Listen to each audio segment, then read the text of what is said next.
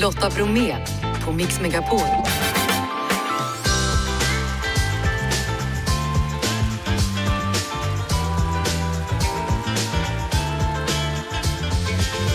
Ja, men hej, välkommen. Lotta är ledig idag. Jag heter Madeleine Kilman. Om några minuter får jag besök av fem killar som garanterat dykt upp i ditt flöde i sociala medier. Fem pappor som sjunger i stämmor och som nu ska ut på Sverige-turné. Dad Harmony är på ingång. Dessutom får jag besök av kocken Johan Jureskog idag. Varmt välkommen! För ett år sedan ungefär dök de upp i våra sociala medier. Fem pappor från Skellefteå som sjöng i stämmor så vi fick gåshud.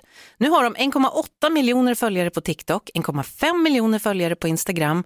Ikväll är det turnépremiär för Dad Harmony. Välkomna hit Peter Widmark, Thomas Widmark, Sebastian Åkesson, Adam Stenlund och Mikael Åberg. Tackar, Tack, tackar. tackar. Hej! Fick med alla där. Jag tänkte att taskigt att bara säga ett namn. Ja, missa Peter, en klassiker. Ja, alltid jag. Men hörni, alltså om någon hade sagt till er förra året att ja, men ni ska på, på Sverige-turné med 15 stopp. Ja. Vad hade ni tänkt då? Nej, men då hade man sagt, nu ljuger du. Ehm, nej, men det är ju helt otroligt vad som har, har hänt under det här året såklart. Ehm, men vi är ju jätteglada för det och allt vi har fått vara med om och är med om. Har ni blivit diviga? Vad har ni på er rider? Alla artister har ju en lista så här, vi vill ha Alltså- päron och...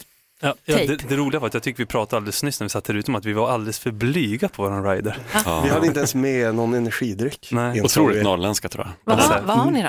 Ja, det är ju så här, eh, en vatten var. Och typ, jag, vet, jag vet inte ens om vi har frukt på våran ride. Nej, frukt glömde vi. Jag tror vi har typ så här, alltså mackor Ja. och typ lite läsk och typ Ja, det var några både, öl. både That's Cola it. light och vanlig Cola för du var väldigt Alltså, jag, jag dricker inte eh, alltså, sötningsmedeldryck jag vill ha. Men kan vi ha varit så spesade på mackan att det skulle vara salami brie? jag tror det var en mat. Den efterfesten, hörni. Ja. Men jag är så nyfiken på hur det här började. Visste ni att ni kunde, eller var det någon som började nynna, någon annan började också men herregud vad bra vi är. Eller hur gick det till det här? Nej, men eh, vi har ju sjungit ihop, eh, fyra av oss i alla fall, gick i samma klass eh, under gymnasietiden.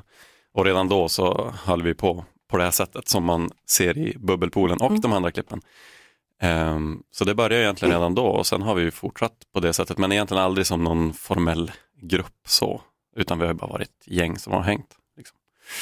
Ehm, så det är ju mer nu man har börjat få ta det mer seriöst och liksom okej, nu måste vi börja skapa egna arrangemang eh, och tänka till lite sådär. Jag är lite nyfiken på hur ni är på fest. För vi har alla någon kompis som spelar gitarr och som alltid ska fram med den där jäkla gitarren och spela. Ska ni alltid envisas med att sjunga stämmor när ni är på fest? Ja, det ska jag säga. Alltså Ja. typ varje. Ja, det är nog så. Ja, men det tror jag. Eh, Och det blir, ja precis, det blir ofta också så här med lite öl i kroppen så tar vi ut svängarna mer och mer och sjunger högre och högre tonarter och svårare och svårare och så ska vi som försöka ta någon slags rekord i eh, hur högt vi kan sjunga. Ja, men vi är väl också, vi går väl iväg mer. Vi går in i en garderob. Ja. Vi, det är lite mer så. Ja, men det är inte alltid. Vi, vi gick ju i somras gick vi ju i princip från Peter till festivalen. Och Okej, nej men det var en, det precis. Ja. Då spårar ur. men ja, mm. Och det är ju väldigt många som njuter av er sång med tanke på att ni ska på 15 stopp på den här turnén som börjar ikväll i Stockholm. Mm. Vad har ni för mål då? Hur ser ni framtiden? jättesvår fråga. Eh, vi vill ju fortsätta eh, och ta det utanför Sverige också, för vi har ju faktiskt de flesta av våra lyssnare utanför Sverige. Ja, men jag såg det. Det är så många från andra länder som följer er också på sociala medier. Ja men precis, där är det USA, Tyskland, Japan är ju stora så det vore ju jättetrevligt att få åka dit. Och sitta i en bubbelpool med en öl i näven. Ja, precis. Så var det på den första videon där vi lärde känna er. Hörni, jag vill ju, eh, om ni vill, eh, skulle det vara jättetrevligt om ni ville sjunga någonting för er. Mig och alla som lyssnar på Mix Megapol. Det gör vi. Absolut. ska vi samlas runt? Ja. Gör det. Alla tar av sig hörlurarna och samlas här bredvid mig.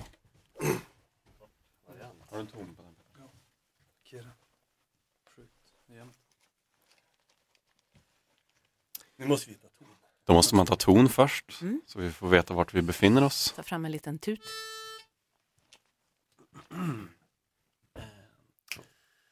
I'm only one call away. I'll be there to save the day. Superman got nothing on me.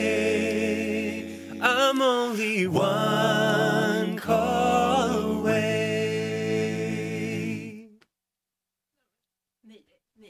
Ju för bra alltså. Tack snälla ni för att ni kom hit. Turnépremiär i Stockholm ikväll och så 14 stopp till sen då. Jajamän. Toppen. Tack för att ni kom till Mix Megapol. Tack. Tekniktipset. Det är teknik, det betyder att Martin Appel, konsumentredaktör på tidningen PC för alla, finns här. Och vi ska prata nu om det här krånglet med att ladda mobilen. Varför har mobilerna så dålig batteritid? Det där är en fråga som vi på PC för alla jätteofta får från våra läsare och då berättar de ju att en gång i tiden hade jag en gammal Nokia eller en Ericsson-telefon och den hade ju flera veckors batteritid. Nu håller min mobiltelefon inte ens en dag. Varför är det så här? Och då är ju förstås förklaringen att mobilerna som vi har idag, våra smarta mobiler, de kan ju så otroligt mycket mer. Det handlar ju om en liten dator som man har i fickan. Och allt det här som de kan, allt det här som de gör, det är ju sånt som kräver batteri. Och det gör ju att vi får en mycket, mycket sämre batteritid nu än vi hade för 20 år sedan. Och sen har den ju större skärm också.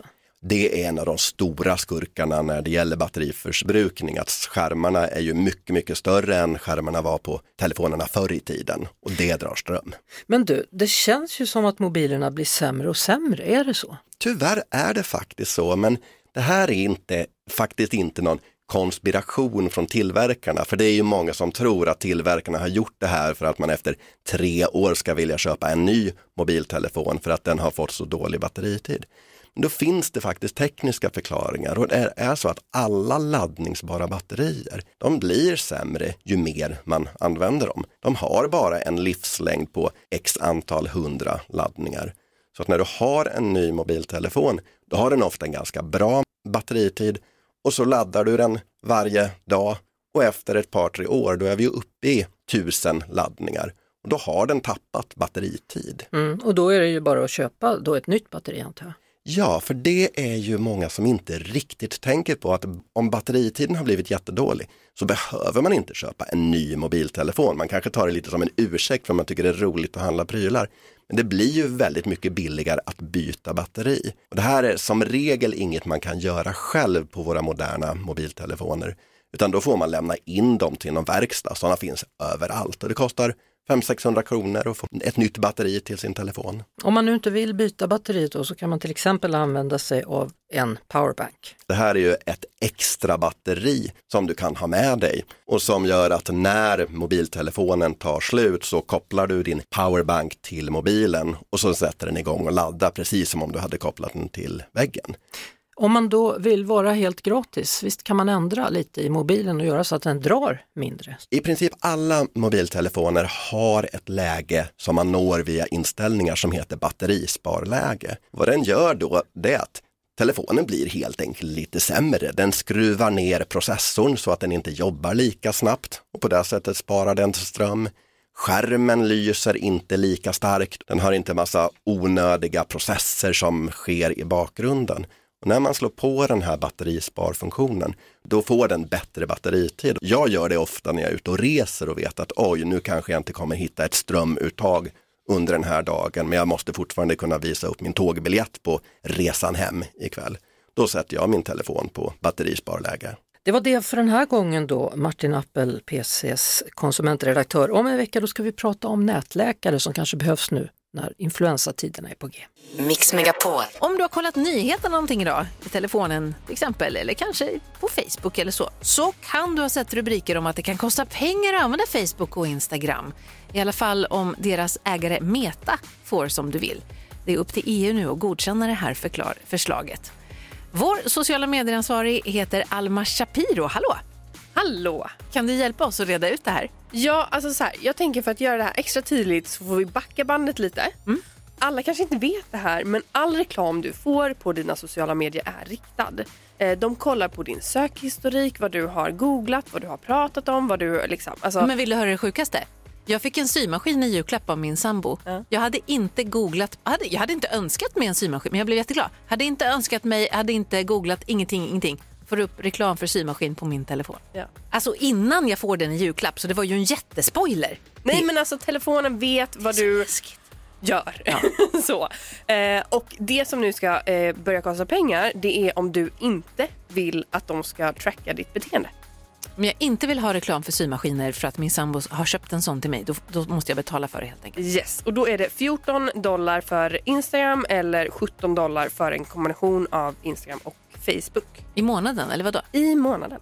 Ja, det tänker jag inte. Nej, så att, eh, då får du fortsätta få reklam för dina symaskiner.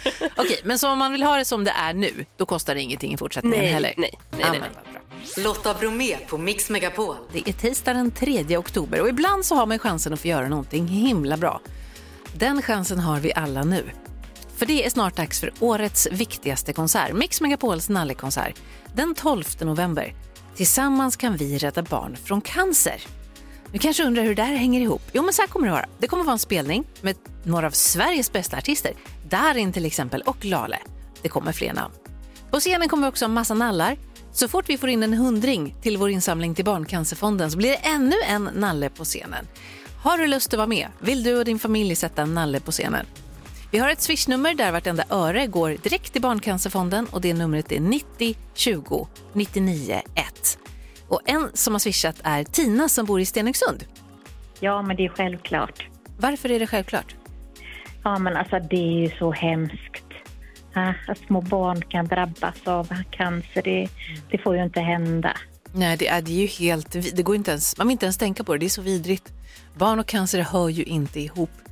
Du, vi är supertacksamma för att du har haft möjlighet att, att hjälpa oss med det här och skicka iväg en slant till Barncancerfonden. Så jag tänkte kolla om du ville komma på vår spelning på Mix Megapols nallekonsert. Ja, men det är klart att jag vill.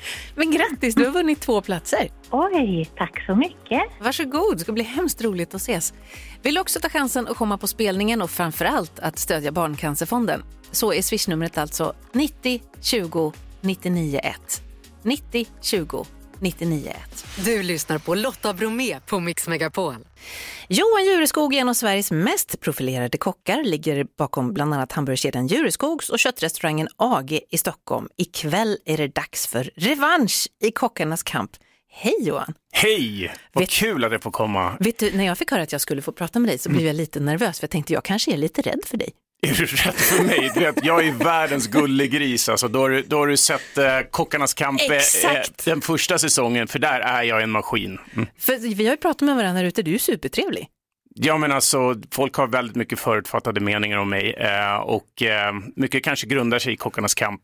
Och sen så är jag 1,95 och väger 110 kilo och är rakad, så, så jag har ju inte direkt utseende för mig för att jag är en stor nallebjörn, för det är det jag är. Men jag blev väldigt glad över att prata med dig och se att du faktiskt var väldigt snäll. Du, jag, jag tänkte bara kolla en sak med dig som ju har med, med mat att göra. Den här veckan har det stått väldigt mycket i tidningarna om att vissa skolor har börjat ha en maträtt på menyn som tillval som de vet att barnen älskar. Det kanske är en, en maträtt, men sen finns det alltid till exempel makaroner och köttbullar att ta. Vad tycker du om det här?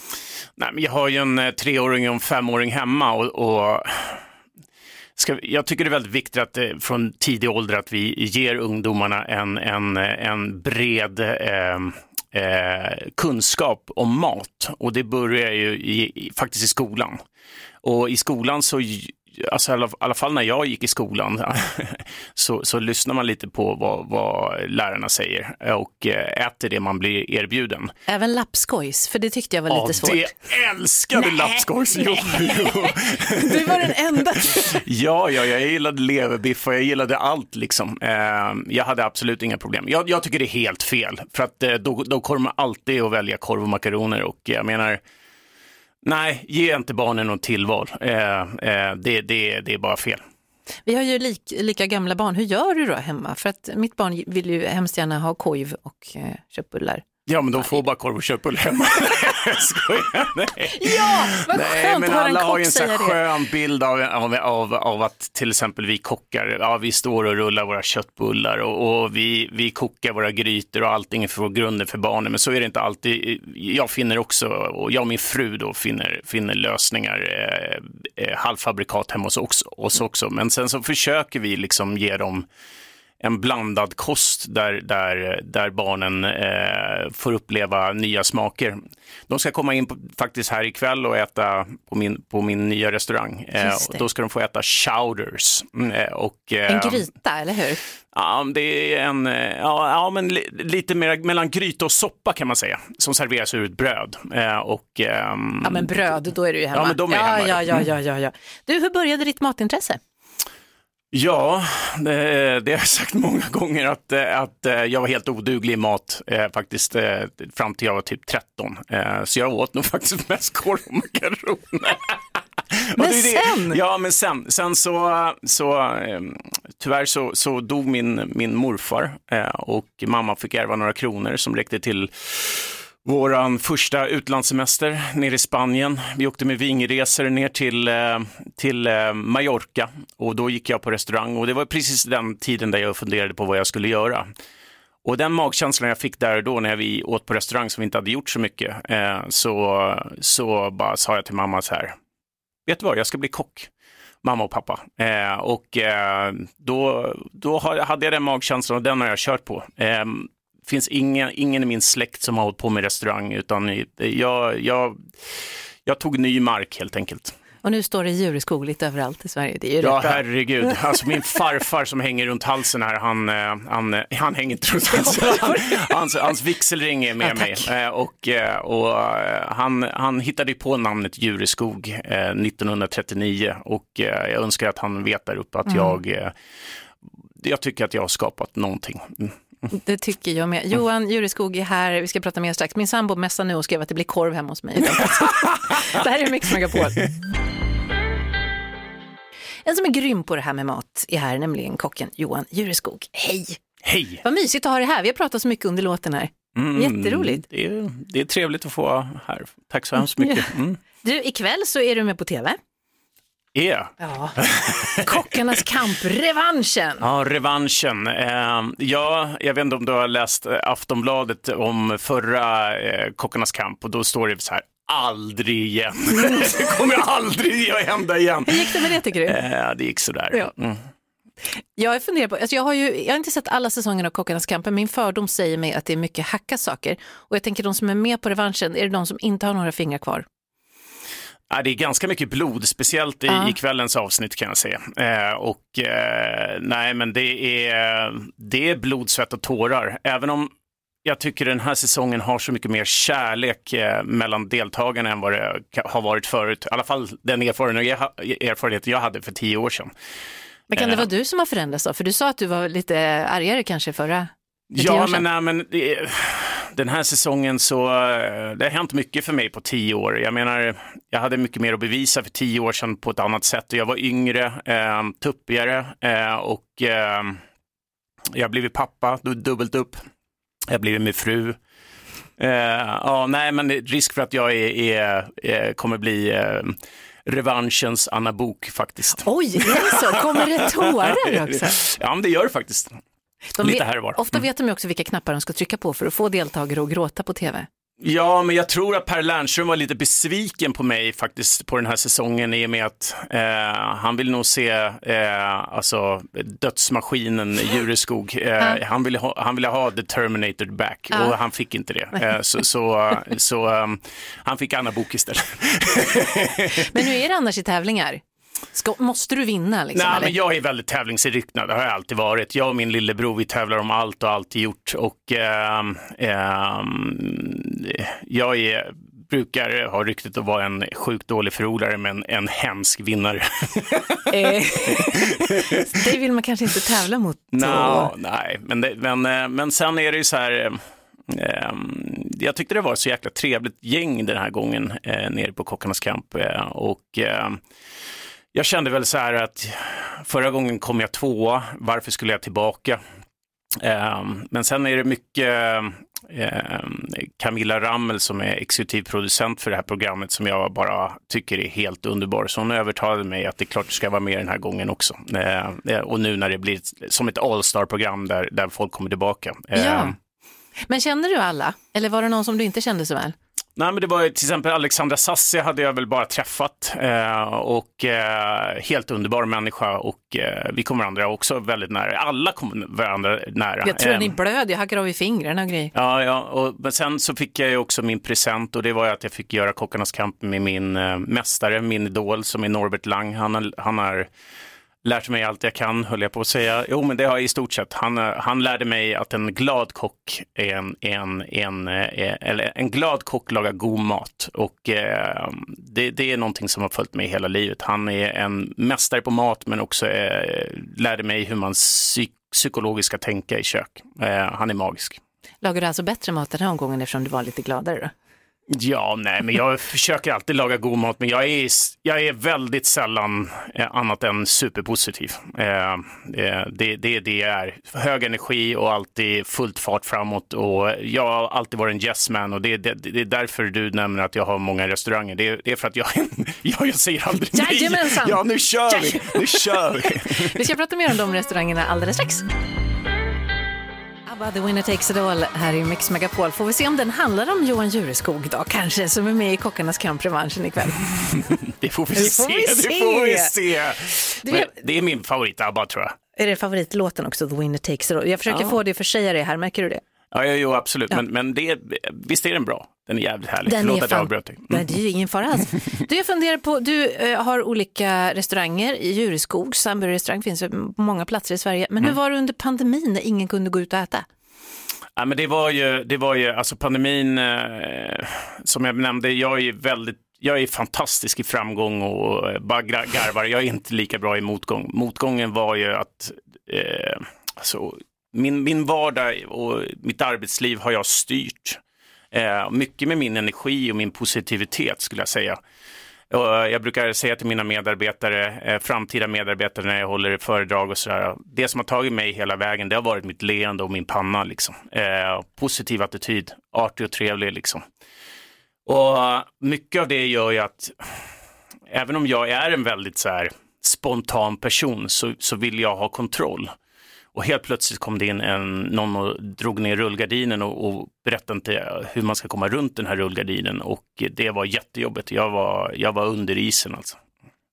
Det var jag verkligen. Eh, och det var folk som gick och dog och, och eh, det är banalt att uttrycka sig att liksom att det skulle vara ett problem. Men jag är också ansvarig idag för nästan 500 anställda eh, och eh, det är många liv som stod på spel, eller mångas arbetsliv som stod på spel. Eh, och det, det, det, var, det, det, var, det var en tuff tid och sen så har jag hade jag ändå en gravid fru och en, en tvååring eh, och eh, ja, nej men det var, det var, det var nattsvart. Mm. Men nu? Men nu är det en Nu. viss positivitet. Absolut, jag är jättestolt över det som hände förra veckan till exempel.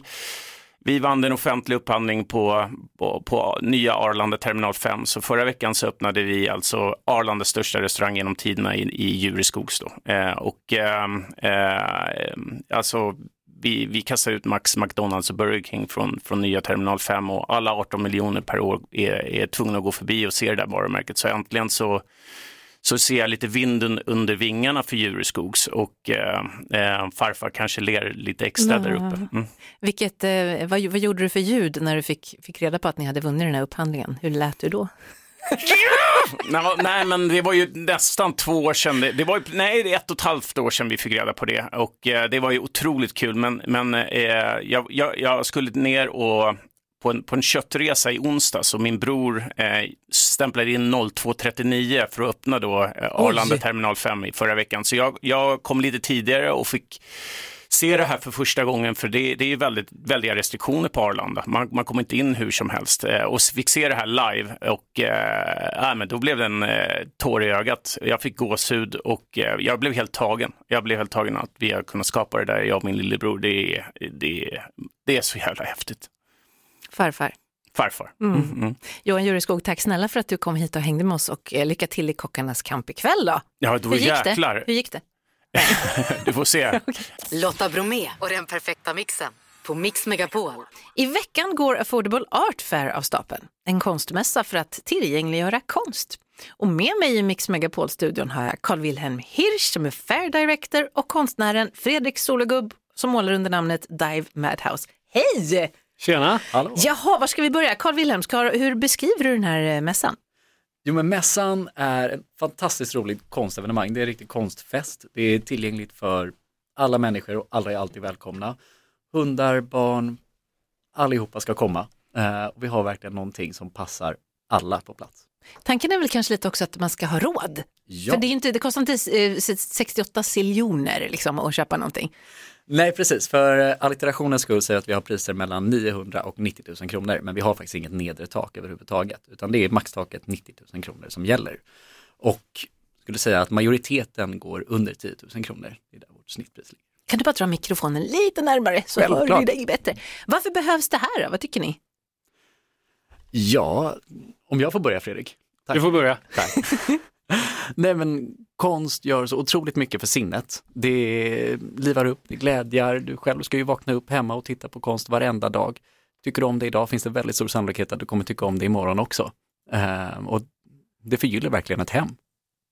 Vad är det för typ av konstverk? Och förlåt. Ja, och jag, jag håller med. Och eh, sen tänker jag också att konst, jag tror att alla har ett latent konstintresse. Precis som att alla gillar musik, med det ni jobbar med. Eh, så om du har sett ett liksom, penseldrag och färger i ett originalverk så, så känner du, säg att du har varit på Hilma af Klint på Moderna jag, tänkte, Museet. jag var där, Ja. jag tänkte precis säga det. Man blir du? ju helt tagen. Ja, man blir helt tagen. Och det, det är ju en kraft i det, precis som musik berör så kan konst beröra. Och där tycker jag som konstnär då, och ak- aktiv konstnär att affordable som koncept exempelvis är väldigt bra och väldigt viktigt för i att tillgängliggöra och just för att alla har det latent. Eh, för du behöver se nästan konst, eh, och gärna originalkonst då. Eh, har du gjort det en gång så förstår du eh, kraften i det. Och du som lyssnar nu tänkte så här, Hilma af Klint, googla det. Du kommer också tycka om det Ja. säkert. Och apropå det här med att se penseldrag, vi ska köra en låt så ska, vi, ska jag få måla lite. Ja. Får du säga vad du tycker.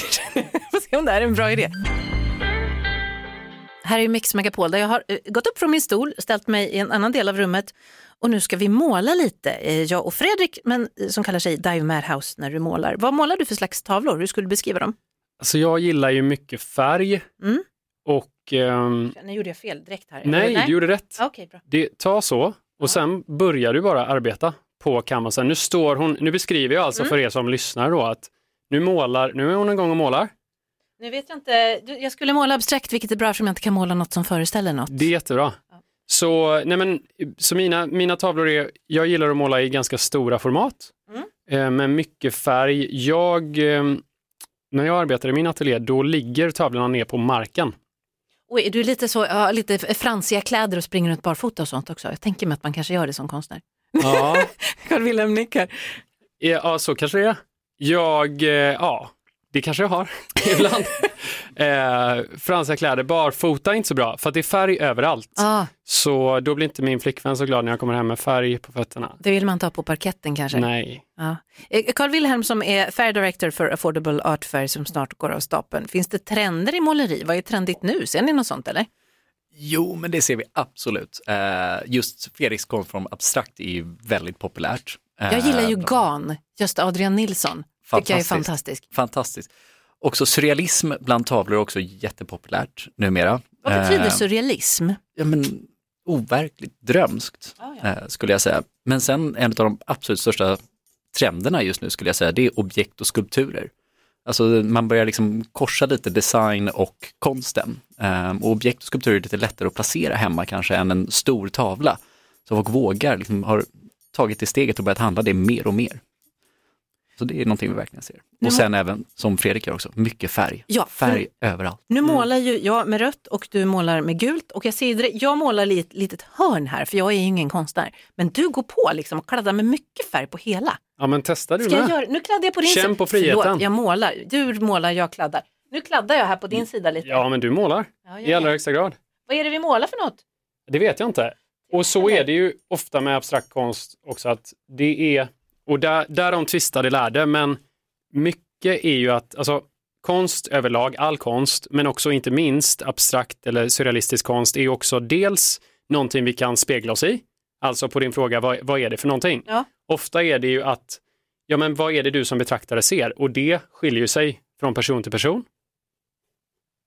Och sen tänker jag också att det är också någonting, samtidigt som du kan spegla dig i det, så är det också någonting som du ibland kan låta dig försvinna bort i. Men jag kan känna att det finns en ängslighet lite grann att så här, om man frågar är det här bra? Nej, jag vet inte. Man ska Mm. väl bara känna efter med hjärtat. Ja, Blir man hjärta. berörd så är det väl bra, eller? Ja, mer, bra, alltså, och sen kan man, så kan det vara. Och sen, jag ibland så här, kasta bra och dåligt ut genom fönstret. Mm. För att känns det, precis som med musik, känns det så känns det ju. Jag har en tavelvägg hemma Mm. och där har jag satt upp min sambos porträtt, självporträtt från när han var sex år gammal. Ja. Han är helt snygg och har liksom väldigt stora tänder. Men jag tycker att det är fint. Och folk Ja. brukar, re- brukar reagera för folk har kanske lite mer klassiska verk på sin tavelvägg hemma. Det är ju helt vad, alltså, Ja. in the eye of the beholder. Visst. Alltså det är det det säger för dig som ska titta på det varje dag. Eh, Så det är absolut helt rätt att ha det uppe. Eh, Carl Wilhelm Hirsch, Fair Director, eh, har du lust att komma hit och kolla vad jag och Fredrik har målat här? Absolut, jag Lite kommer. osäker på om det här är något som kan säljas för eh, i alla fall min del av det. Titta, du är så kreativ, du målar ju på kanten av tavlan också. Testar du med? Okej då, okej då. Det här ser helt fantastiskt Du ut. tycker det? Vad är det vi har? Eh, Jo men vi har eh, gult och rött än så länge, väldigt abstrakt. Så jag ska försöka backa lite här och se vad det är jag ser. Ja, blev det bättre? Ja? Ja, jag kanske behöver eh, jobba. Jag blir väldigt eh, kreativ av ert besök känner jag och också Nice. av att du inte bara målar på duken utan även på kanterna. Bra. Du borde göra mer sånt i livet. Jag ser en anka, en röd anka med näbb och vingarna som flyger bakåt i profil. Jag har målat något, hörni kompisar, förstår ni vad häftigt? Wow. Hörni, jag är så glad att ni är här. Affordable Art Fair går av stapeln start på torsdag, eller hur? Visst är det så. Eh, Carl Wilhelm Hirsch, Fair Director och konstnären Dive Madhouse Fredrik Sologub. Tack snälla ni för att ni kom till Mix Megapol. Tack så mycket. Tack för idag. Vi hörs igen imorgon. Jag heter Madeleine Kilman även eh, då, eh, om inget otippat händer. Tack Jeanette, Janne och Jeff som har gjort det här programmet tillsammans med mig. Vi tar och lämnar över till Erik Myrlund. Och vad du än gör, gå ingenstans nu. För han ska berätta hur du kan vinna så vansinnigt mycket pengar i kassavalvet. Ett poddtips från Podplay. I fallen jag aldrig glömmer djupdyker Hasse Aro i arbetet bakom några av Sveriges mest uppseendeväckande brottsutredningar. Går vi in med hemlig telefonavlyssning och, och då upplever vi att vi får en total förändring av hans beteende. Vad är det som händer nu? Vem är det som läcker? Och så säger han att jag är kriminell, jag har varit kriminell i hela mitt liv men att mörda ett barn, där går min gräns. Nya säsongen av Fallen jag aldrig glömmer på Podplay.